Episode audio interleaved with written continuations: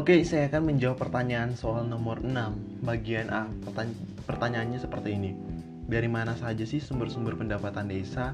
Jelaskan masing-masing sumber-sumber tersebut. Oke, saya akan menjawab pertanyaannya uh, menurutku ada tiga kelompok uh, sumber pendapatan desa. Yang pertama itu pendapatan asli desa. Nah, pendapatan asli desa ini adalah pungutan atau pendapatan yang dimasukkan ke rekening desa yang merupakan pendapatan dari hasil usaha, hasil aset, swadaya dan partisipasi serta gotong royong dan lain-lain yang dilakukan oleh sebuah desa. Misalnya kayak ada uh, desa itu punya usaha gitu loh, punya usaha dan pendapatannya dari hasil usaha itu sebagai pendapatan asli desa Lalu ada juga transfer. Nah, pendapatan jenis pendapatan jenis ini itu bersumber dari pemerintah baik pusat maupun di kabupaten. Nah, pendapatan tra low transfer ini itu seperti kayak uh, dana desa terus alokasi dana desa itu kayak gitu. Itu termasuk uh, di kelompok transfer. Lalu ada juga pendapatan lain-lain. Nah, yang ini pendapat kelompok pendapatan lain-lain itu merupakan pendapatan yang bersumber dari hibah dan sumbangan yang tidak mengikat dari pihak ketiga, dan lain-lain pendapatan desa yang sah. Itu seperti kayak kayak uh, bantuan untuk dari pihak-pihak yang nggak mengikat gitu loh nggak.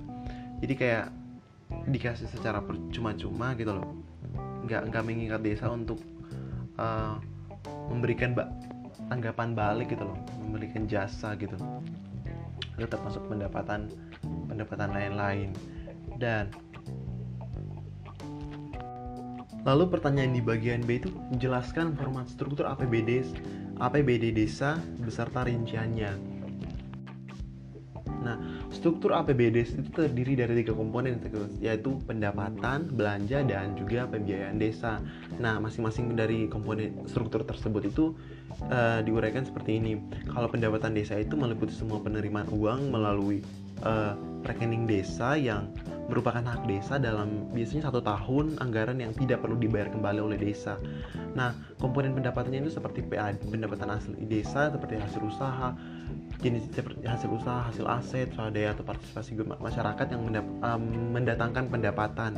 Lalu ada juga transfer yang seperti dana desa, terus dana bagi hasil pajak, terus alokasi dana desa, terus bantuan keuangan mungkin dari APBD provinsi atau kayak dari pusat langsung gitu loh lalu ada pendapatan lain-lain seperti kayak hibah yang tidak terikat gitu loh lalu ada di bagian poin yang kedua yaitu belanja desa nah belanja desa ini meliputi semua pengeluaran dari rekening desa yang merupakan kewajiban desa dalam satu tahun anggaran yang tidak boleh pembayarannya kembali oleh desa. Belanja desa di nah belanja desa ini dipergunakan dalam rangka mendanai penyelenggaraan kewenangan kewenangan desa.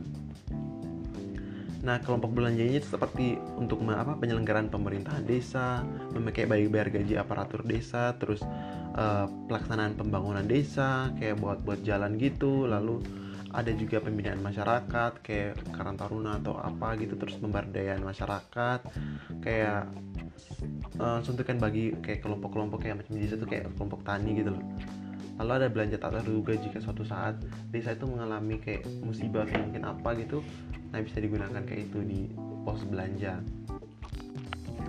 Lalu yang bagian terakhir yaitu pembiayaan desa. Nah, pembiayaan desa ini meliputi penerimaan yang perlu dibayar kembali atau pengeluaran yang akan diterima kembali. Nah, baik itu tahun anggaran yang bersangkutan maupun pada tahun anggaran berikutnya. Nah, itu seperti kayak hmm, penerimaan pembayaran kayak silpa gitu terus silpa lalu uh, peneri pencairan dana cadangan terus ada juga uh, seperti apa ya hasil penjualan kekayaan desa itu yang dipisahkan gitu loh. Lalu ada juga pengeluaran pembiayaan.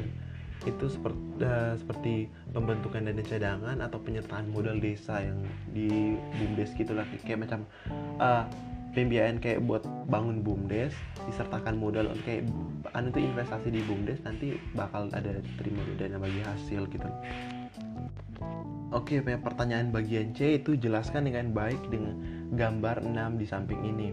Nah, di gambar 6 samping ini merupakan siklus pengelolaan keuangan desa yang terdiri dari perencanaan. Nah, pertamanya itu di perencanaan uh, bagian di tahap ini yaitu perencanaan ke pengelolaan keuangan desa itu bagaimana? Lalu setelah selesai direncanakan dianggarkan berapa persentasi untuk uh, berapa persen untuk proyek kayak eh, bukan proyek sih program uh, pembangunan di desa itu kayak macam untuk uh, bayar aparatur desa berapa terus buat program perbaikan sarana dan prasarana berapa. Nah kalau udah semuanya udah dianggarkan berapa persentasinya itu kemudian pelaksanaannya nah setelah pelaksanaannya itu pelaksanaan itu merupakan uh, kayak itulah.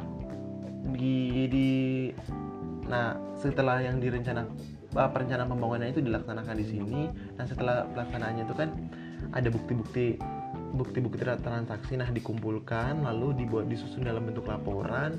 Nah tadi setelah dilaporkan di pertanggungjawabkan pertanggungjawab ini mungkin ke kayak macam ke camat atau ke masyarakat desa seperti itu Thank you.